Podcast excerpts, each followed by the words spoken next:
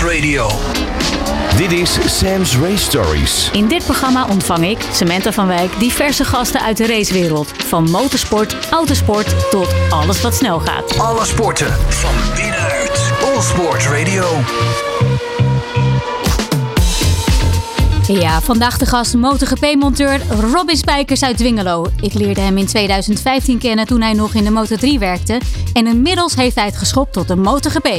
In 2021 was hij zelfs de eerste monteur van negenvoudig wereldkampioen Valentino Rossi. Momenteel werkt Robin bij het Mooney VR46 Racing Team met MotoGP-rookie Marco Bezzecchi. Afgelopen weekend werden ze in Assen tweede. Robin, welkom. Ja, dankjewel. Leuk om hier te zijn. Ben je al een beetje bijgekomen? Eh klein beetje. Mijn stem is nog een beetje schor. Dus eh, ik, heb, ik heb het redelijk goed gevierd. Niet zo heel zeer met het team. Wel direct na de race natuurlijk. Maar ja, de rest van het team moest allemaal weer naar huis. Maar ik bleef nog even lekker 2,5 weken in Nederland bij de familie. En daar heb ik met eh, een aantal vrienden al het een en ander goed gevierd. Nou, daar gaan we straks eh, gaan we het helemaal over hebben. Hoe is het voor jou eh, om weer in Nederland te zijn? Want je, je bent er niet heel vaak, hè? Nee, ik ben hier, ik denk eh, drie, vier keer per jaar. Daar houdt het wel mee op. Dus ik probeer kerst en oud en nieuw natuurlijk hier te zijn. Ehm, met de TT blijf ik of een tijdje na de TT of ik kom vroeger. Het ligt er net aan of TT de eerste of de tweede race is in een back-to-back. En ja, dit jaar heb ik mijn moeder verrast mijn moederdag. En voor de rest, eh, ja, als ik de kans heb, ga ik wel. Maar ja, dat komt natuurlijk niet zo heel vaak voor. Ik ben meer dan de helft van het jaar op pad. En ik woon in Engeland, dus ja, er blijft niet veel over om eh, hier nog naartoe te komen. Ja, waarom woon je in Engeland? Eh, daar had ik een vriendinnetje, maar het is uit. Oh, nee, recentelijk. Nee, nee, nee, is al twee jaar uit. En, eh, maar ik heb het daar heel goed naar mijn zin. En ik heb daar een bedrijfje opgebouwd met een vriend van mij. Dus eh, ik ben daar gebleven. En ik vind het daar hartstikke mooi. Wat voor bedrijf heb je opgebouwd? Eh motorfietsen, onderhoud, beetje draaien, frezen. Eigenlijk een, een werkplaats waar we alles kunnen doen wat we willen doen. Dus we kunnen alles maken. En, maar het is echt voor de, voor de toekomst opgebouwd eigenlijk. Want tussen de races door heb je bijna geen tijd. Nee, en, en ook niet zo heel veel zin. Ja, maar goed, je bent nu al dus bezig met je carrière na MotoGP. Ja, ja, dat is iets waar, we, nou, waar ik met mijn maat al sinds 2012, 13 al over aan het praten ben. Van, Ja. Dat wouden we al heel lang. Nou ja, en toen ik naar Engeland toe kwam, ehm, woonde ik niet zo ver van hem vandaan. Dus zeiden we, nou, misschien moeten we toch een keer een stap maken. Dan hebben we wat als straks het racen voorbij is. Kunnen we meteen aan de bak. Ja, Dus, en dat, eh, ja, dat is hartstikke leuk. Maar op het moment is het gewoon echt een hobbyplek. Eh doen gewoon dingen die we leuk vinden. Want ja, je wil ook niet terugkomen van een race. Ben je de eerste twee dagen ben je echt helemaal gaar. Dan ja je vooral dat, op bed. dat klopt. En dan eh, ja, wil je niet meteen aan het werk moeten dat er een motorfiets staat met, eh, met een lekker band. Ja, daar zit je sowieso niet op te wachten natuurlijk. Dus het is echt, echt voor de toekomst. En ja, we gaan, moeten nog een beetje bekijken wat we precies willen. Maar eh, ja, we hebben een mooie plek in ieder geval. Dus je toekomst ligt sowieso in Engeland, als ik het zo hoor. Eh, nou ja, dat is moeilijk te zeggen. Kijk, het kan ook zo een keer omslaan dat we zeggen van ja, misschien moeten we iets anders doen. En eh, sowieso blijf ik denk ik nog wel heel lang racen, want ik vind het gewoon ongelooflijk leuk. Dus voorlopig stop ik er niet mee. Ja. Nou ja, afgelopen weekend was natuurlijk de TT P2. Gefeliciteerd, natuurlijk helemaal fantastisch. Dankjewel. Ja, was, Ja, hoe was dit voor jou? ongelooflijk. Het was echt een fantastisch weekend. Eh, het liep eigenlijk vanaf dag één liep het gewoon ongelooflijk goed. Sterker nog, het liep, met het opbouwen liep het al goed. We, waren heel snel klaar, de fietsen waren klaar. Sommige jongens zijn nog naar Groningen gereden, want daar speelde Guns N' Roses. Dus eh, alles liep gewoon makkelijk. En dan, heb je al, dan zit je direct in de goede flow. En ja, vervolgens de vrijdag eh, waren we meteen vanaf het begin snel. Elke ronde was snel. Wel, wel gevallen, eh een beeld schade, maar dat, hij is zo sterk in zijn hoofd dat hij dan op zijn andere motorfiets springt en net zo hard gaat meteen. Dat duurt geen vijf ronden. Nee, het is gewoon echt de tweede ronde. Is hij net zo snel en heeft hij gewoon heel veel vertrouwen en is hij gewoon ongelooflijk goed. Het is pas een rookie, hè? Ja, ja, ja, het is een rookie, maar ja, hij rijdt natuurlijk al wel eh, meerdere jaren in, eh, in, het, in het Grand Prix. Alleen dan niet in de MotoGP. Dus hij heeft eh, twee jaar, denk ik, Moto 3 gedaan. Toen twee jaar Moto 2. Dus hij heeft echt wel een beetje ervaring op kunnen doen ondertussen. Maar ja, op de een of andere manier is er een hele goede klik. Met, met zijn team, met, met zijn motor, met alles. En ja, maakt hij gewoon mega stappen. Eigenlijk een beetje wat we met Fabio hadden in 2019. Ja, Fabio Quartararo. Ja, dat, dat zie ik nou hier bij hem ook weer. Dus het is wel echt een talent. Ja, het is een supertalent. Uh, Hij komt natuurlijk uit de stal van Valentino Rossi. Ja, ja. Dus... Werkt dat mee? Helpt dat? Ja, dat helpt zeker. De, heel, die jongens die, die worden allemaal geholpen. Ongelooflijk door, door Valen. Want ze trainen samen. Nou ja, Rossi heeft natuurlijk de ranch waar ze, waar ze samen trainen. Ja. Uh, naar de gym gaan ze samen. Ze eten samen. Dus ze bouwen echt ook een band op. Maar ze helpen elkaar ook allemaal. Dus als, als één rijder ergens goed in is en een ander niet, dan, dan werken ze wel samen op, om, om beter te worden, allemaal. Dus ik denk dat er ongelooflijk uh, veel te danken is aan de, aan de Academy. En ik denk ook dat Bagnaya daarom zo goed doet. Bijvoorbeeld, die komt ook uit de Academy. Ja. Ja, daar kun je zien. Dat plukken ze nou echt de vruchten. Ja, die heeft ook een fantastische race gereden. Ja, ja, ja. Ja, ja mooi. Hoe, hoe is hij, Marco? Ongelooflijk leuke jongen. Ja? Ja, heel lief jong. Uh, op de baan is het echt een pitbull. Maar, maar buiten, buiten het rijden om is het heel gemoedelijk jong. Uh, gaat, gaat heel vriendelijk met zijn personeel. Of zijn personeel, het is natuurlijk niet zijn personeel. Maar met zijn groepje om. En bouwt het echt als een familie om zich heen. En Ja. dat, dat zie je bij al die jongens uit de Academy ook. Dat wordt er een beetje ingegoten. Mhm. Dat je, ah, je moet een goede, goede groep om je heen hebben. Dan heb jij vertrouwen. Maar als jij de jongens goed behandelt, dan willen ze ook allemaal een stapje extra doen. Ja. Dus dan, dan is het niet gewoon je werk. Nee, dan is het ook je passie meteen. Net zo voor ons. Dus dat, eh, ja, dat werkt in iedereen zijn voordeel. En uiteindelijk ga je daar ook sneller van. Ja. Hij doet me altijd een beetje denken aan Simoncelli. Ja, een klein beetje wel. Eh, grote haar natuurlijk. Ja. ja, een beetje flamboyant. Hij houdt niet zo erg van, uh, van alle pest eromheen. En hij is liever lekker aan het klooien. En, ja, maar het is gewoon echt een ongelooflijk aardig Het is een van de aardigste jongens die ik heb meegemaakt als rijder. Alleen ja, tegen de pest lijkt hij misschien wat minder aardig, omdat hij er nooit zin in heeft. Ja, ja. Dus hij zit eigenlijk altijd, uh, oh, moet ik nou, moet ik dat weer Laat maar gewoon lekker rijden. Laat maar lekker klooien met een scootertje, lekker op de motor. En, ja, maar het is, uh, nee, heel goed jong. Hoe is jouw carrière begonnen als monteur? Uh, mijn carrière is begonnen in 2003. Toen reed Janne Jansen Nederlands kampioenschap en Europees kampioenschap. Ja. En ik ging vaak mee met de familie Waningen, die sponsorde Jano, om te kijken. Ja, en, van RW Racing, ja, klopt. Waningen. Ja. Oom, oom Roelof en tante zo noem ik ze. Het zijn niet, Oh, echt? ja, ja, het zijn niet echt mijn, uh, mijn oom en tante, maar ze komen uit hetzelfde dorp. En uh, ja, ik ken ze sinds dat ik uh, geboren ben. Tenminste, zij kennen mij dat ik geboren ben. Ja. En ja, voor mij zijn het mijn oom en tante. Ik noem ze oom en tante. Oh, wat leuk. Ja. Dus ik ging vaak mee. En um, op een gegeven moment was er een monteur ziek. En heb ik een beetje geholpen dat weekend met uh, bandjes en kuipen wassen. En ja, ik vond het ongelooflijk leuk. het beviel Janno ook goed. En sindsdien ben ik bij Janno gebleven tot zijn allerlaatste race. En daarna ben ik uh, in het team gebleven waar hij gestopt is. Daarna mezelf opgewerkt via andere teams. En op een gegeven moment in 2012 uh, heb ik de stap kunnen maken naar de GP. Ook via RW weer. Ja. Die gingen met uh, twee rijders rijden in de Moto 3. Salom en Binder. En ja, ik kreeg de mogelijkheid om daar te komen sleutelen. In de Moto 3? Ja, in de Moto 3. En ja. Uh, ja, daar is het eigenlijk het echte GP-verhaal begonnen. En vanaf daar heb ik ook echt stappen kunnen maken om te komen waar ik nu ben. Ja. We hebben een, uh, een boodschap voor je. Oh, nou, leuk. Dag Robin, dag Samantha. Uh, ja, even iets over uh, Robin. We gaan natuurlijk al uh, een aantal jaren terug.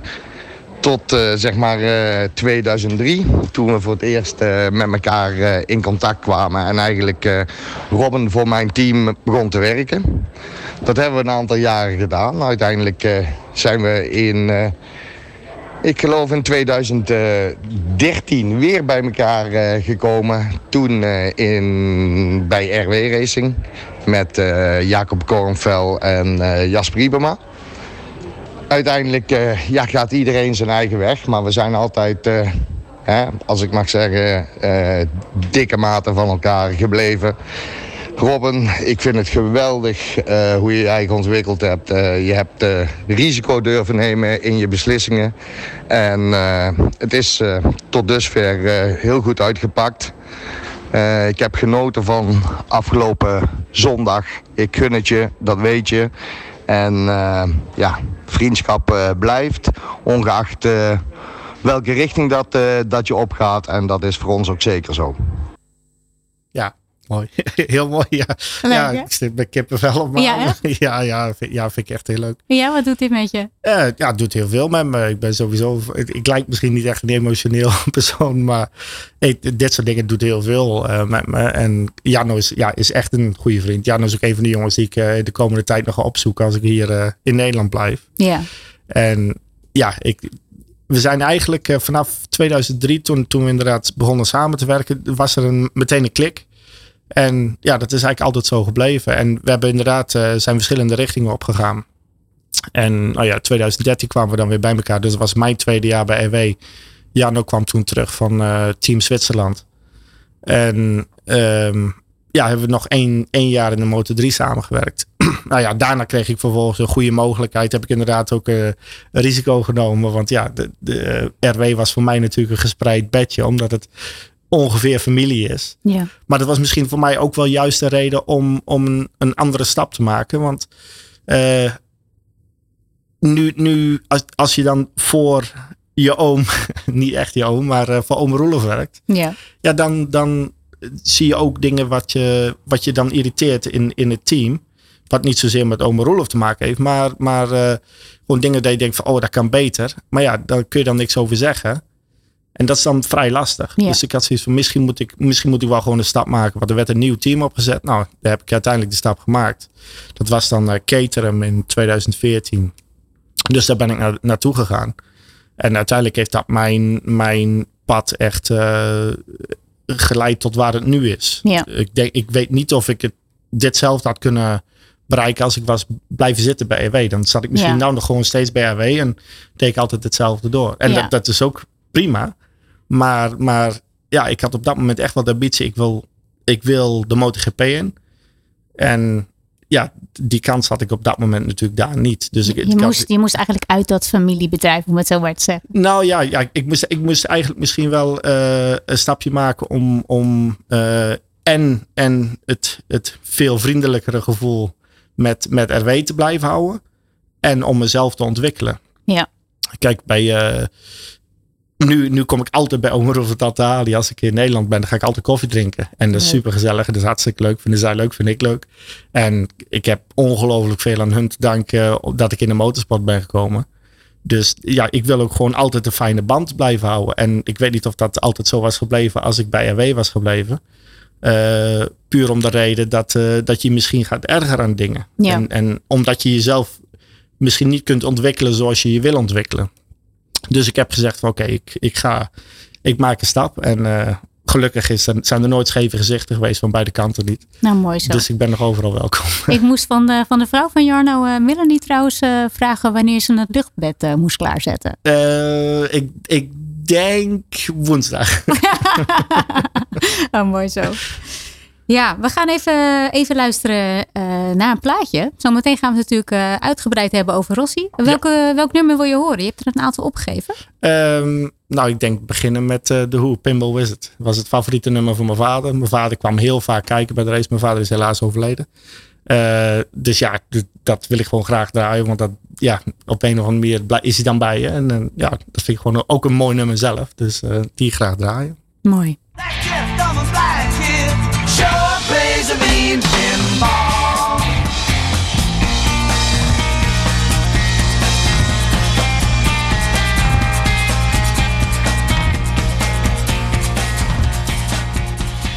Ja, dat was Pinball Wizard van The Who.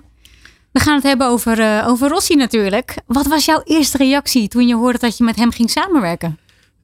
Eh, heel enthousiast, heel enthousiast. Da- daarvoor eh, kwam ik eigenlijk een beetje uit de moeilijke tijd. Want eh, toen had ik net te horen gekregen dat ik niet, niet mee kon met eh, Fabio naar het fabrieksteam. Ja, En toen was het nog niet 100% zeker dat Rossi bij ons kwam. Dat waren natuurlijk wel de geruchten. Maar ja, ik denk, ja, zolang het niet getekend is, dan is het niet zeker. En, dus ik was eh, eigenlijk een beetje, eh, nou, een beetje, beetje droevig ja. dat, ik, dat ik niet mee kon. En de- uiteindelijk is dat gewoon een politieke keuze geweest. Want eh, Fabio mocht twee van de drie monteurs meenemen. Hij wou zelf geen keuze maken. En de chef monteur moest de keuze maken. En de chef monteur geze- heeft gezegd: Ja, je zit vanaf 2009 bij Stiekenveld. Ik heb, oh, ik heb met Jarno en met Stiekenveld heel veel gewerkt, allebei. En we willen jou niet bij Stiekenveld weghalen. Dus dat was voor mij eigenlijk ja, heel lastig. Kijk, als iemand mij had gevraagd, wa- wat wil je? Wil je eerst de monteur worden voor Rossi of wil je mee met Fabio naar het fabrieksteam? Kun je die keuze niet maken. Nee. Maar als iemand anders de keuze voor je maakt, is het altijd de verkeerde keuze voor je gevoel. Ja. Omdat je hem zelf niet kunt maken. Ja. Uiteindelijk was het voor mij 100% de beste keuze. En was ik zo ongelooflijk blij toen het echt gebeurde. Ja. En dit, ja, toen we elkaar voor het eerst echt een handje schudden en elkaar voorstelden. Ja, wanneer was dat? Hoe In, ging in dat? Qatar, daar was ik Qatar voor de test. Echt? Maar heb je hem in, in al die jaren dat je... Jawel, je hebt je wel gezien. Maar dan zeg je wel hallo en zo, maar, maar niet echt een gesprek. Ja. En in Qatar was het gewoon echt voor het eerst echt een gesprek. Ja, dat was wel even, even bijzonder. Ja, hoe ging dat dan? Nou, hij komt mee toe. Hi, ik ben Valen. En jij bent de eerste monteur? ja, ik ben Robin. Ja, maar dan, hij heeft echt van die hele heldere ogen. En die, kijken, ja, die kijken zo wat door je heen voor je gevoel. Die kijk, kijk je echt aan en neemt alles op wat je zegt. Dus ja, dat was heel bijzonder. En toen zijn we ook eh, dat weekend direct met z'n allen gaan eten. En dan vraagt hij ook, wat zijn je andere interesses? En, dus dat was eigenlijk heel erg gaaf. En ja, vooral voor mij was het natuurlijk een, eh, een droom om met hem te werken. Kijk, toen ik geïnteresseerd raakte in de motorsport, was ik fan van Rossi. En ja, mensen zeggen wel eens, oh, waarom ga je niet voor Rossi sleutelen? Ik zei, ja, zo werkt het niet. Dat, dat, dat gaat van je leven niet gebeuren. Ik ga Ja. nooit, nooit voor Rossi sleutelen. Dat, dat lukt gewoon niet. Nee. En uiteindelijk lukte het wel. Ja, dat had ik niet verwacht. En dat was ik ongelooflijk trots op. En ik vond het ongelooflijk gaaf. Ja, want hij is wel echt een van jouw grote helden. Ja, ja ik, ik, heb, ik heb twee helden in de race. Dat in, in de MotoGP staat Rossi en de Superbikes was Troy Bayliss. En dat zijn allebei ook nog eens gewoon hele toffe kerels. En ja, ja hij, is, hij is gewoon een legende wat dat betreft natuurlijk. Eh, ik denk niet dat er ooit weer iemand komt die dezelfde impact zal hebben als Rossi in de motorsport. Dat, Ja. dat kan ik bijna niet geloven. Ja. ja, ook Valentino Rossi heeft eh, goede herinneringen aan Assen. Ik sprak hem eh, vorige week in Zandvoort waar hij op vier wielen aan het racen was. Ja, Can you describe what Assen has meant to you and maybe a special memory? Yes, I want to go to to Assen to, to, to see the to follow the MotoGP, to follow my team uh, and my brother and also our uh, our riders. But this time the schedule is too busy, so I will not go. And uh, Assen is uh, first of all Assen is is uh, is great because the layout of the track is fantastic and. Uh, I was lucky because I raced in Assen in the real Assen before 2005, 2006, when they modify, no? Now is anyway a great track uh, and have a lot of banking also, but is is more normal. I mean, uh, before was a, a TT track, uh, really really long, uh, fast, difficult, and uh, I enjoy a lot. And also Assen is. Uh, is a great atmosphere because uh, first of all is a motorcycle racetrack and uh, and there you have a, lot a lot of fun a lot of support and the atmosphere uh, that you have in Assen the race day on the last uh, corner last chicane and on the straight if you have the sun. Have a lot a lot of people and uh, you are feel like in a stadium you know? Yeah. so this is uh, this is special from from Assen. And uh, special memories I have a lot, a lot of great victories, uh, and uh, also the last one, the last one in MotoGP in 2017 was in Assen, so I think this is the best, uh, the best memory. Ja, dat kun je je vast nog wel herinneren. Ja, dat kan ik me wel herinneren. Ja, ja, ja, ja goed. Wij, wij waren zelf natuurlijk eh, op dat moment in de Motor 3 aan het werk. Maar ja, dan ben je aan het oppakken en dan merk je dat er, dat er wat gaat gebeuren. In de MotoGP Rossi zou wel eens kunnen gaan winnen. En dan ja, leg je eigenlijk alles weg. En dan ga je toch naar de tv's kijken van, oh, gaat hij doen, gaat hij doen, gaat hij doen. Ja, dat deed het. En dat was natuurlijk wel, eh, wel heel gaaf. Ja. Maar Assen is voor hem wel echt extra speciaal. Hè? Dat, dat, zegt hij eigenlijk altijd. Ja, ja, ja, en net ook wat hij zegt. eh, hij is natuurlijk de meest, volgens mij is hij de meest succesvolle coureur nog steeds daar. Eh, en hij heeft het, het oude Assen gedaan. Ik denk dat hij de enige, vorig jaar de enige was die daar nog gereden heeft. Ik denk dat er verder niemand was die ooit op het oude Assen gereden heeft. En het oude Assen was natuurlijk echt heel gaaf. Dus ik zou niet zeggen dat ze het verklooid hebben, helemaal niet. Het is nog steeds een van de mooiste circuits ter wereld. Maar het oude was, ja, dat was nog veel gaver. Zo lang en Ja. zo snel. Ja, dat was echt heel gaaf. Heb jij ook die kriebels als je, als je naar Assen komt? Eh, nu wel. Eh, vroeger niet eigenlijk. Ehm, omdat ja, toen ik begon, eh, als je in het NK rijdt, dan zit je voornamelijk op assen. En ja, dan is de Assen niet zo bijzonder meer. Ehm, ik woonde er 20 kilometer vanaf. Dus voor mij was het eigenlijk, ja, ja het is niet zo heel bijzonder. Nu is het ongelooflijk bijzonder. Want nu woon ik in het buitenland en ik, ik kom er gewoon heel erg graag. En dan zie ik mijn familie, zie ik mijn vrienden. En je proeft inderdaad gewoon meer de sfeer in Assen dan, dan op een hoop circuits. Je komt echt binnen, je komt langs de campings. Ja, dat is wel heel erg gaaf. Nou, je komt daar natuurlijk ook uit de buurt vandaan. Ja, ja, ja, ik kom echt uit de buurt, maar ik heb nooit op de camping gestaan.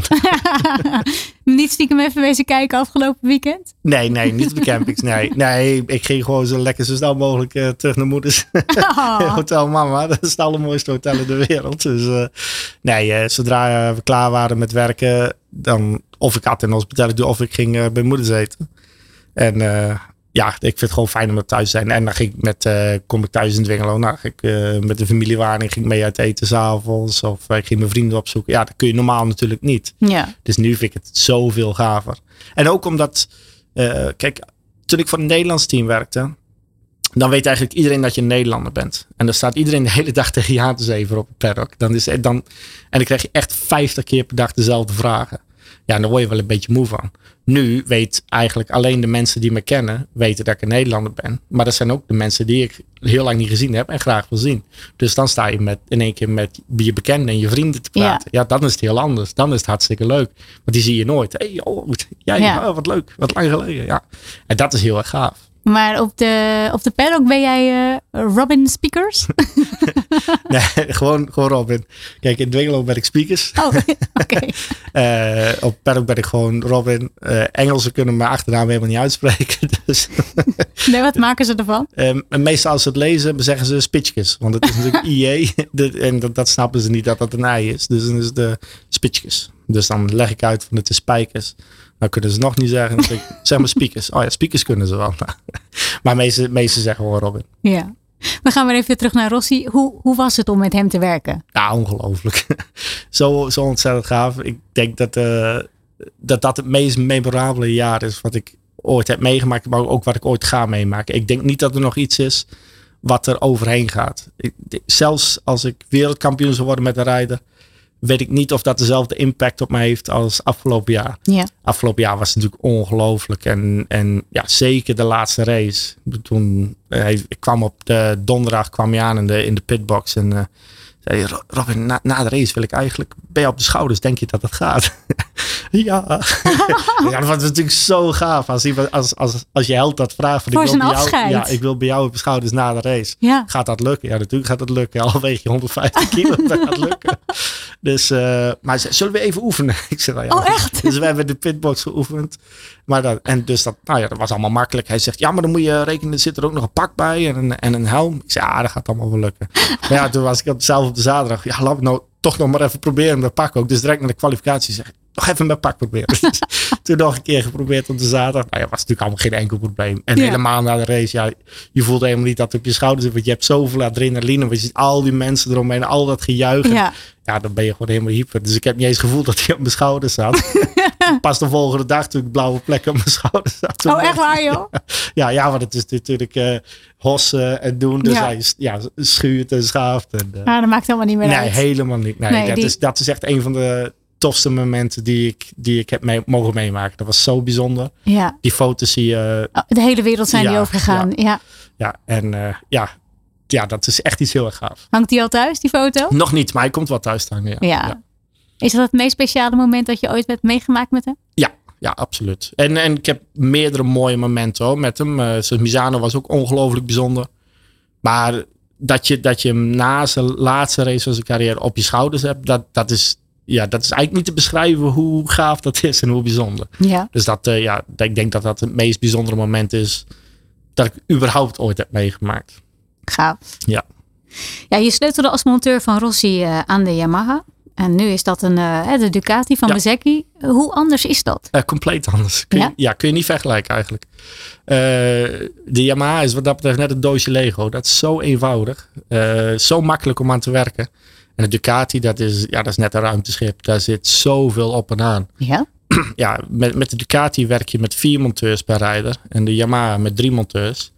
Maar met de Yamaha ben je nog steeds een heel stuk eerder klaar.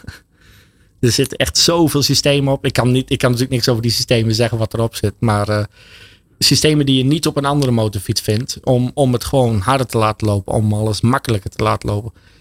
Ja, en het is gewoon... Alles is heel veel werk voor de monteurs. Maar ja, het ding loopt wel bloed en bloed hard natuurlijk. Ja. Dus dat, is, dat, doen, hè, dat verzinnen die Italianen dan weer. Ja, ja, dat verzinnen de Italianen. En, en de Italianen durven het ook te proberen. Dus eh, een Italiaan die bedenkt iets. Oh, die denkt, oh, dit kan wel eens werken. We zetten het op de motorfiets en we gaan kijken of het werkt. Maar we, we zetten het op in een raceweekend. Een, een Japaner die bedenkt iets. Nou, dan gaan ze eerst eh, helemaal analyseren op, op de computer. Dan vervolgens moet het naar het testteam. In Japan, nou, die moeten er een jaar mee rijden voordat er überhaupt waar gedacht wordt om het naar Europa te brengen. Ja, tegen de tijd dat ze het in Europa hebben, lopen ze drie stappen achter. Want ze durven het niet op die motorfiets te zetten. Want als het kapot gaat, ja, dat is voor een, voor een Japaner is dat verschrikkelijk. Ja. En een Italiaan denkt van, eh, nou, dit kan wel eens werken. We zetten het Ja. erop en we kijken hoe hard het gaat. Ja, ze zijn eh, heel inventief. Ja, ze Ja. zijn ongelooflijk inventief. Ducati liep altijd voor met, met alles met de spoilers. ja, met eh, die wings ook. ja, en, met, met de ride-eye devices waren ze altijd de eerste eigenlijk met alles. Ja. En ja, ze durven gewoon. En daarom hebben ze nou ongelooflijk goede motorfiets. Mooi. We gaan nog even naar een plaatje luisteren. Heel leuk. Welke wil je? Eh, nou, laten we maar naar de dijk gaan. Dan- De dijk is de favoriet band van mijn moeder, dus dan mag die er daarna in. Dat hebben mijn vader en mijn moeder allebei gehad. Sam's Race Stories met Samantha van Wijk. Ja, Robin, dit was een plaatje voor je moeder. Ze was erbij, hè, in Assen. Ja, ze was erbij. Dat vond ik heel erg leuk. Kijk, eh racen was echt eh, mijn vaders ding. Of tenminste, ja, mijn vader was helemaal geen fan van de motorsport. Totdat ik erin begon te werken. En toen eh, kwam hij echt heel vaak. En dat was, eh, ja, dat was altijd heel gaaf. Mijn pa was er veel. Mijn moeder ging wel eens mee. Maar ja, toen mijn vader kwam te overlijden, is mijn moeder daarna nog één keertje geweest. En ja, ik wou er nooit vragen van, wil je komen? Want dan voelt ze zich misschien verplicht. Dus ze vroeg zelf van, nou, oh, ik wil eigenlijk misschien wel weer eens naar de TT. Nou, dat vond ik natuurlijk fantastisch. Ja. Dus eh, meteen twee kaarten geregeld. En eh, nou ja, ze was er de zaterdag en de zondag. En die waren allebei uitmuntend. dus misschien moet ze vaker mee. nou, inderdaad. maar ze heeft er wel van genoten, ook. Ja, absoluut. Ja, en eh, ze heeft zelf tijdens de race, dacht ze de laatste acht, tien tot acht ronden of zo, zei ze van, ik, ga gewoon naar de box. Want ze zat natuurlijk in hospitality. Tijdens de race staat er eigenlijk geen gast in de box. Maar mijn moeder dacht, eh, nee, ik wil gewoon naar de box. Dus ze is gewoon naar de box gekomen en daar stond ze, nou, dus de hele ontlading. En nou ja, dat is, dat is wel heel gaaf als je dan ook je moeder een knuffel kan geven na Ja. de race. Dat is wel heel bijzonder. Dat is Ja, wel heel mooi. tof. Ja, Ik zag het gebeuren. ja, ja, jij Ja. stond erbij. Prachtig. Ja. Ja, je hebt, een, eh, je hebt iets meegenomen, hè? een voorwerp met een eh, verhaal erbij. Ja, ja, ja. Wat is het? Toen je erom vroeg, dacht ik van, oh ja, ik heb al mijn voorwerpen in Engeland liggen. Maar Ja. eh, ik heb er toevallig eentje om, altijd. En dat is, eh Pols, is mijn horloge. Dat is het pole position horloge van Le Mans 2020 van Fabio. En ja, die heeft hij mij gegeven. Dus dat is wel heel erg gaaf. Oh, wat is- mooi. Ja, dat is wel een... eigenlijk deed hij... kijk, we hadden heel veel pole positions in 2019. En eh, op een gegeven moment had hij natuurlijk zoveel horloges. De eerste had hij zelf gehouden. Toen eentje voor zijn maat, toen voor zijn manager. Op een gegeven moment, ja, haalde hij ze maar, bleef hij ze maar binnenhalen. Dus dan had hij een, eh, een lotingssysteem opgezet. Dus eh, iedereen een loodje. En dan is het eind, kiezen wie het juiste nummer heeft. En die kreeg het horloge. En in Le Mans reed hij voor het eerst sinds Geres weer pole position. En dat was, in Geres was eigenlijk besloten van wie er meegaan naar, naar het nieuwe team. Dus eh, hij kreeg weer een horloge. En ja, hij deed weer een loterij. Maar het was wel een beetje doorgestoken kaart. Want in wezen heeft hij daarna nog twee pole positions gereden. De eerste horloge was voor mij en de tweede was voor de bandenman. En het waren allebei de jongens die niet mee konden naar het fabrieksteam. dus het was wel... eh, hij keek niet eens naar het nummer. Ja, Robert. Ja. Dus- maar ik was super blij. Het was gewoon heel erg gaaf. En ja, dat is een mooie aandenken. En ja, heel bijzonder. Leuk. Want ook zijn thuisrace natuurlijk. Dus dat was Ja. wel extra bijzonder. Mooi. Een, eh, een aandenken voor altijd. Ja. Ik heb eh, via social media aangekondigd dat jij mijn gast zou zijn. Eh, en of ze nog vragen voor je hadden. En daar zijn best wel wat leuke dingen Nou. uitge- uitgekomen. Eh, zo vraagt eh, Timon Jansen. Hoe ziet de Grand Prix er voor jou uit vanaf het moment van wakker worden tot naar bed gaan? Eh, het hele weekend of de zondag? Wat jij wil. Eh, nou, nou laten, we, laten we de zondag doen. Want anders wordt het weer heel lang verhaal. Eh, ja, zondag is altijd vroeg naar de baan. Ehm, want op zondag is er normaal gesproken meer verkeer. Dus ik word wakker rond een uur of half zeven. Meestal is het om zeven naar de baan vertrekken. Eh, kom je meteen naar de pitbox. Maak je de motorfietsen klaar. Tenminste, je doet de laatste checks. Je, je maakt ze natuurlijk de dag van tevoren klaar. Maar s ochtends moet je een aantal checks doen voordat je ze kunt starten. Nou, dan draai je ze warm. Twee uur voordat de warm-up begint. Daarna ga je koffie drinken. Eh, doe je nog een keer een aantal checks. En dan warm je ze nog een keer op een half uur voor de start van de warm-up. En vanaf dat moment is het eigenlijk volle bak de hele dag. De, dus je hebt de warm-up meteen daarna. Moet je het onderhoud doen voor de race. Dus je moet altijd de koppeling checken. Nou, de koppeling gaat eruit. Eh, de, bra- de brandstof wordt allemaal op een speciaal systeem voorbereid. Ik doe samen met een van de andere monteurs eh, de brandstof voor de race. Dus normaal doet de, de bandenjongen de brandstof. Alleen voor de race zijn er twee monteurs die het moeten doen. Want dat gaat helemaal op een bijzonder systeem. Je hebt een minimale temperatuur die je moet hebben. Dus je moet warme en koude brandstof mengen. En dat gaat gewoon heel veel tijd in zitten. Dus je staat echt eh, ja, goed half uur Warme en koude brandstof? ja, de, tijdens de Moto 2 race wordt er een officiële ambient temperatuur aangegeven. En je brandstof voor de race mag 15 graden koeler zijn dan de ambient temperature. Oké. En je, op de donderdag zet je al de vriezer vol met eh, brandstof. Ja. En dat, dat meng je dan met ambient temperature brandstof. Mhm. Totdat je 15 graden onder, het, onder, het, eh, onder de temperatuur zit van de buitenlucht. En dat is wat je mag gebruiken. Want hoe, hoe kouder de brandstof, hoe meer je in de tank kunt drukken. En. Je hebt natuurlijk een maximum volume wat je mee mag nemen. Ja. Dus daarom eh, wordt er eigenlijk eh, koude brandstof aan toegevoegd. Aha. En dat kost ja, de, ruim een half uur met alle speciale apparaten en systemen. En zorgen dat die helemaal tot de nok toe vol zit. Dus dat is echt wel even aanpoten. Ja, en dan is het de race. Dus een half uur voor de race heb je dat klaar. Eh, gaan, de, gaan de tanks erop. Rol je de reservemotor naar buiten. En dan eh, gaan de jongens naar de grid en dan blijf ik lekker bij de box. ik, ik blijf altijd bij de reservefiets. Dat was eh, mijn eigen keuze, want dat vind ik het allerfijnste. Ja? Ja, dan hoef je niet met al die rommel te slepen. En ja, is, gewoon- is gewoon wat rustiger ook. Kijk, op de, op de grid staat heel veel volk. Bij, bij de box blijft niemand. Ik vind het gewoon heerlijk. Zeg gewoon met de reservefiets. Beetje praatje maken met wie er maar in de buurt is. En ja, gewoon klaar voor de race. En dan, ja, als het, als het eh, wisselende omstandigheden zijn. Zoals Assen. Dan heb je de motorfiets klaarstaan. Op dezelfde manier als de fiets waarmee je naar de grid gaat. Ja. Heb je dat wel eens meegemaakt? Ja, ik heb wel eens een, eh, een flag-to-flag race gehad, ja.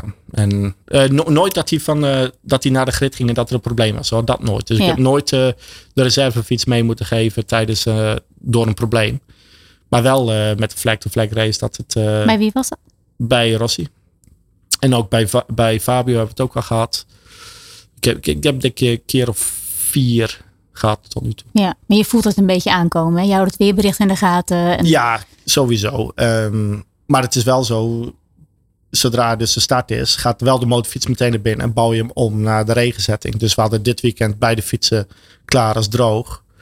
En als er dan geen probleem is bij de start, dan snel de motorfiets naar binnen en ombouwen naar regen. En dat betekent niet dat je de hele motorfiets ondersteboven gooit, maar je bent wel even een kwartiertje met eh, vier man vol Ja. aan het zweten. Heb je het wel eens helemaal verpest? Dat je denkt, shit, dat was mijn fout. Ehm, nee, eigenlijk niet. Dat ik denk van ik heb echt iets verpest. Nee, gelukkig. Ja, dat vergeef je jezelf nooit meer, toch? Nee, nee, Nee. Dat, dat is ook. eh, ja, je checkt ook dingen. Kijk, als, als bijvoorbeeld een, een remklauw een keer los zou zitten, ja, dat, dat vergeef je jezelf nooit. Ik denk als ik een remklauw niet aan zou draaien, dan stop ik meteen en, en kom ik nooit weer terug op een circuit. Ja. Want dat is iets, ja, dan kun je iemand gewoon mee de vernieling in helpen. Ja, ja. Dus eh, je bent altijd eh, gefocust bezig. En heel veel gaat op de automatische piloot. Dus, dus je doet je werk en alles is goed. Het is de momenten dat je staat te wachten, dat je begint te twijfelen. Oeh, heb ik dat wel gedaan? Terwijl je weet dat je, dat je iets vastgedraaid hebt, Ja. ga je toch nog een keer checken. Het zit altijd vast. Ja. Het is nooit zo dat het niet vast zit. Maar ja, je checkt het toch. Ja, ik heb ooit een keer bij Janno een, een ventieldopje vergeten. in, in 2004. Dat was, eh, dat was uiteindelijk wel einde race. Wat de liefste band. maar goed, toen was ik, eh, was ik nog een snortlepel. Dus, Toen was jij nog een rookie. ja. dus dat, is, Oh, ja, dat is eigenlijk het enige wat ik kan bedenken. Dat, daar heb ik echt iets, eh, door mijn schuld, iets, hebben we een, een resultaat gemist. Zeg maar. ja. En dan is de race voorbij? En dan? Eh, ja, dan in dit geval stonden we met z'n allen in de hekken. Want het was Ja. natuurlijk eh, zo'n mega goed resultaat. ja, de- het eerste podium voor, voor het team in de MotoGP. Ja, dat was eh, echt heel bijzonder. Zeker al in je eerste jaar. Dat is, dat is heel knap. Het, het team doet het ongelooflijk goed.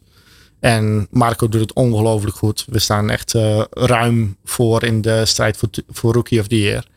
Dus wat dat betreft eh, doen we het echt heel erg goed. Dat is ook een beetje het doel voor dit jaar. Eh, ja, ik weet eigenlijk niet eens wat de echte doelen van het team zijn. Maar ik had voor mezelf het gevoel, ja, als we dit jaar voor Rookie of the Year kunnen vechten, dan doen we het heel goed. Als we maar tot, tot de laatste race kunnen vechten om die titel, dan Ja. doen we het heel erg goed. Eh, nu doen we het boven verwachting goed. Ja, gaaf hoor. Ja, heel gaaf. Ja. We hebben nog een vraag. Die is van Richard Nijhoff. Hoe is de racebenadering van Marco Bezzecchi ten opzichte van Valentino Rossi? Ja, Daar, ja, dat kan ik eigenlijk niks over zeggen. Dat weet ik niet. Eh, ik weet niet hoe zij zich daarop voorbereiden. Ehm, kijk, tijdens de race, ja, je gaat gewoon zo hard mogelijk van begin tot eind. Ja, Eh, en, en wat hun specifieke voorbereiding is, ja, dat, dat, dat weet ik echt niet. Daar ga, ik, daar ga ik hem ook niet om vragen. Want als, als een rijder in zijn, in zijn zone zit, dan ga ik niet eh er tussendoor eh, lopen ouwe. Kijk, ik wens hem altijd succes voordat hij de motor opstapt. ja. Dus eh, zodra hij de box binnenkomt voor de race en gaat zitten, dat hij echt voordat hij zichzelf gaat klaarmaken, loop ik naar hem toe en zeg ik, nou, vandaag is jouw dag, dit wordt hem. ja dat zeg je wel altijd tegen de. tegen Ja, de- ik, ik zeg altijd wel even een, iets in, in die trant. En dit weekend was het dus eh, Today is your day.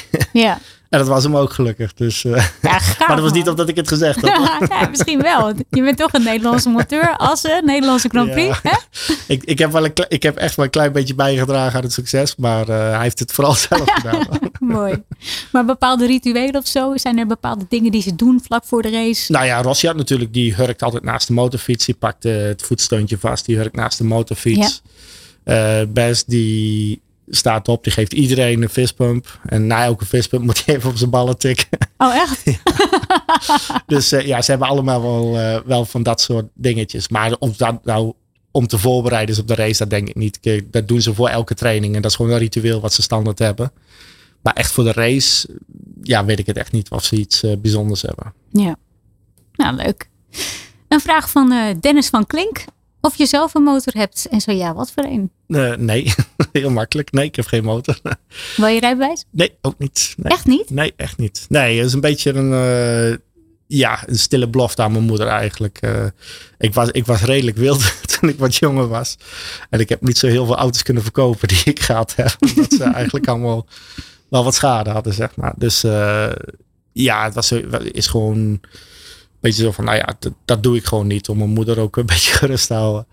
Eh, nu zit ik er steeds meer aan te denken. Kijk, nu ben ik gewoon een heel stuk rustiger dan ik was toen ik 18, 19, 20 was. Ja, Dus die, nou zit wilde, ik- die wilde haren zijn er een beetje uit. Ja, ja, ja daar, de meeste haren zijn er ondertussen. Eh, ja, nu heb ik wel zoiets van, ik zou wel een keer zelf een motorfiets willen bouwen, een café racen. Gewoon eentje die lekker rustig gaat, maar gewoon een ding helemaal zelf opbouwen vanaf nul. En ja, dat vind ik dan wel gaaf, maar dat vind ik eigenlijk meer de techniek gaaf dan het rijden. Misschien vind ik het rijden wel ongelooflijk gaaf, dat weet ik niet. Maar ik vind vooral de techniek eh, daarachter heel erg mooi. Maar dat ga je dan toch gewoon een keer proberen? Ja, nou ja wie weet. eh Je zegt gewoon, mam, ik doe echt rustig aan. Ik ben, ik ben inmiddels, eh, hoe oud ben je inmiddels? 41. Nou, dan, hè, dat moet toch kunnen dan? Ja, nee, ik denk ook wel dat ik het rustig aan kan doen. Maar ik moet ook tijd hebben om mijn motorfiets te bouwen natuurlijk. Daar heb ik niet zo heel veel. Daar heb je je eigen bedrijfje voor. Ja, maar, maar de tijd nog steeds niet. Gewoon Dus- stiekem een rondje op die van de Bezekkie. nee, dat, dat absoluut niet. Want ik moet hem ook zelf repareren als ik hem in de grindbak leg. Oh, en ik jee. weet zeker dat ik hem een ronde niet rond krijg. Hoor. Het is mij gelukt om hem heel te houden op Nou. het circuit. ja, liever dan ik. Oh, oh.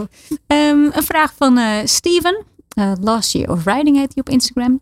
Ehm, wat was jouw meest speciale moment? Ja, ik denk dat ik we heb het al net gezegd. al een beetje Ik- gehoord ja, hebben. ja, dat hij bij mij op de schouder zat. Dat is, eh, ja, dat is verreweg het meest speciale moment. Dat, dat, er zijn heel, net als ik gezegd, er zijn heel veel speciale momenten geweest. Maar dat springt er voor mij echt uit. En dat is ook iets wat ik heel trots ook laat zien. Ik, Ja. ik hoef echt niet in de belangstelling te staan. Maar ik ben zo ongelooflijk trots op het feit dat, dat ik hem op de schouder zat. Ja, dat, dat kun je denk ik ook in de foto zien. Ik straal net zo hard als hij. maar het was echt heel bijzonder. Het was Ja. echt heel gaaf. Prachtig. Remco Lauren, met welke brandstof wordt er in de MotoGP gereden? Ja, je had het net natuurlijk al een beetje wat over verteld. Ja, ja, dat is verschillend per merk. Eh, elk elk eh, fabrikant heeft eh, een, een specifieke brandstof die ze gebruiken. Dus ja, ik, ik ga daar verder niet te veel over zeggen. Maar, eh, Maar er zit dus verschil in. ja, ja, ja het, zijn, het is verschil per, eh, per fabrikant. En kijk, de Motor 2 en Motor 3 is allemaal dezelfde brandstof. Die rijden allemaal met Petronas nou, geloof ik. En, maar de MotoGP, ja, dat is, dat is vrij. Je moet wel aan eisen voldoen, maar Ja. het is eh, vrij per fabrikant. Dat mag je zelf kiezen. Oké. We gaan weer even naar een, naar een liedje luisteren. Leuk. Welke wil je? Eh, ik denk Muse, Nights in Sedona. Sam's Race Stories met Samantha van Wijk. Dit is All Sports Radio. Ro- Robin, wat vind jij zo mooi aan je werk? Ach, nou, ja, wat vind ik zo mooi aan mijn werk? Ik vind eigenlijk alles gewoon heel erg mooi aan mijn werk. En ik denk dat heel veel mensen ook kunnen zien als ik erover praat. Kijk, je kunt het op de radio niet natuurlijk zien. Maar jij kunt wel zien wat voor ongelofelijke smile ik op mijn gezicht heb. Ja. Ik, ik vind het zo heel leuk om erover te vertellen al. En ik vind het nog veel leuker om te doen. Ehm, ik vind het ongelooflijk fijn om onder eh, druk te werken. Want daar voel ik mezelf echt beter van worden. Dus Ja. als bijvoorbeeld een rijder crasht in de sessie. En je moet die motorfiets klaarmaken om voor het einde van de sessie weer naar buiten te gaan. Kijk, dat is bij ons nu een beetje anders, want we hebben twee motorfietsen. Maar in de motor 2, motor 3, ja, als je begin van de sessie valt, een kwalificatie, dan wil je wel een goede tijd neerzetten. Dus moet je zo snel mogelijk die motorfiets klaar. Ja, en dat, dat geeft mij zo'n ongelofelijke kick om dat snel te doen. En dat hij dan naar buiten gaat en, en zijn tijd verbetert. Ja. Dat, dat vind ik een ongelooflijk gaaf iets. Ehm, ik vind het fijn om in een team te werken. En ja, ik vind topsport gewoon fijn. Mijn vader was ook altijd topsportfan. Die, die, vond eigenlijk, bij- die vindt eigenlijk bijna alle sporten vond hij mooi. Puur omdat hij ziet hoeveel drive mensen hebben. En, en daardoor begint hij het te waarderen. En dat heb ik ook een beetje eigenlijk. Ik vind, ik vind topsport gewoon mooi. En als je ziet dat iemand keihard zijn best doet. Eh, om het beste eruit te halen. En, en je kunt dat met een groep samen doen. Ja. Ja, dat is gewoon een heel fijn gevoel. Heel gaaf. Nou, je doet het echt met z'n allen. Ja, ja, je doet het echt met z'n allen. Kijk, de rijder moet het afmaken natuurlijk. Mhm. want, want die zit in, in wezen op de motorfiets. Maar, maar het, het is echt iets dat je met z'n allen doet. En ja, dat is een heel gaaf gevoel. Dus, dus als je een goed resultaat hebt, ben je ook echt met z'n allen blij. En dat is heel erg gaaf. Ja. Heb jij nog een ultieme droom? Wat hoop jij nog te bereiken? Ah, dat vind, ik- vind ik heel moeilijk om te zeggen eigenlijk. Eerder, eerder dacht ik altijd van, ik wil wereldkampioen worden. Maar misschien hoeft dat eigenlijk helemaal niet. Ik, ik wil gewoon heel lang met heel veel plezier blijven werken zoals ik nu doe. En als je, als, als je maar het beste uit, uit je rijden kunt halen. Als de rijder het beste uit die motorfiets kan halen. Dat geeft me heel veel voldoening. Dus ik weet niet of ik echt nog een doel heb. Ik, ik denk na vorig jaar dat, dat ik geen enkel doel meer hoef te stellen. Ik heb vorig jaar echt mijn ultieme droom beleefd. En ja, ik, ik hoef niet nog iets beter in mijn ogen. Ik, heb, ik heb wel een idee wat, wat ik in de toekomst wil. Kijk, ik zal misschien niet altijd monteur blijven. Op een gegeven moment, ja, als je echt oud wordt, dan is het fysiek misschien wat zwaarder. Dus dan zou ik misschien wel meer richting crew chief of, of ja, die kant op willen eigenlijk. Of veringspecialist. Maar ik vind, ik vind de sleutel wel zo ongelooflijk gaaf dat ik dat voorlopig nog niet wil doen. Maar zolang ik dit kan doen, blijf ik het doen. Ik, ik vind het echt ongelooflijk tof. Ja, mooi. Ja. We gaan naar het, eh, een plaatje van eh, Taylor Swift. Shake It Off wil je horen. Waarom wil je die horen? Eh, ja, dat is een beetje de guilty pleasure. Ik, ik was ooit uit met de maat in, in Engeland, de maat waar ik mee in de race werkte. En dat plaatje erop en we stonden allebei los te gaan. Maar ik, ik stond misschien nog iets losser te gaan. en ja, puur omdat het zo onnozel nummer is eigenlijk, maar gewoon wel leuk. En ik kon op dat moment van A tot Z meezingen. En dat heeft mijn maat dus in de hospitality verteld. Ja. En daar draaiden ze vervolgens bij, de, bij een test in Barcelona. Draaiden ze dus ook Taylor Swift Shake It Off voluit. en dan stond ik weer helemaal los te gaan. Niet wetende dat eh, het hele Repsol team aan de overkant zat te eten buiten op het terras. En mij dus allemaal zagen staan dansen en zingen en doen. Dus ja, die stonden te klappen op het eind. En ja, dat, dat is eigenlijk wel een beetje de, de grappig verhaal. Oh, geweldig. Ja, Robin, mag ik jou heel erg bedanken eh, voor jouw komst. Nou, heel Ik graag vond het gedaan. echt eh, super gezellig. Geniet van je zomerstop. Je hebt Dankjewel. een extra lange. Eh, volgende week in Sam's Race Stories hebben we niemand minder dan de vijfvoudig wereldkampioen Jorge Lorenzo te gast. Eh, dus eh, ja, bedankt voor het luisteren en tot dan. Sam's Race Stories met Samantha van Wijk. Dit is All Sports Radio.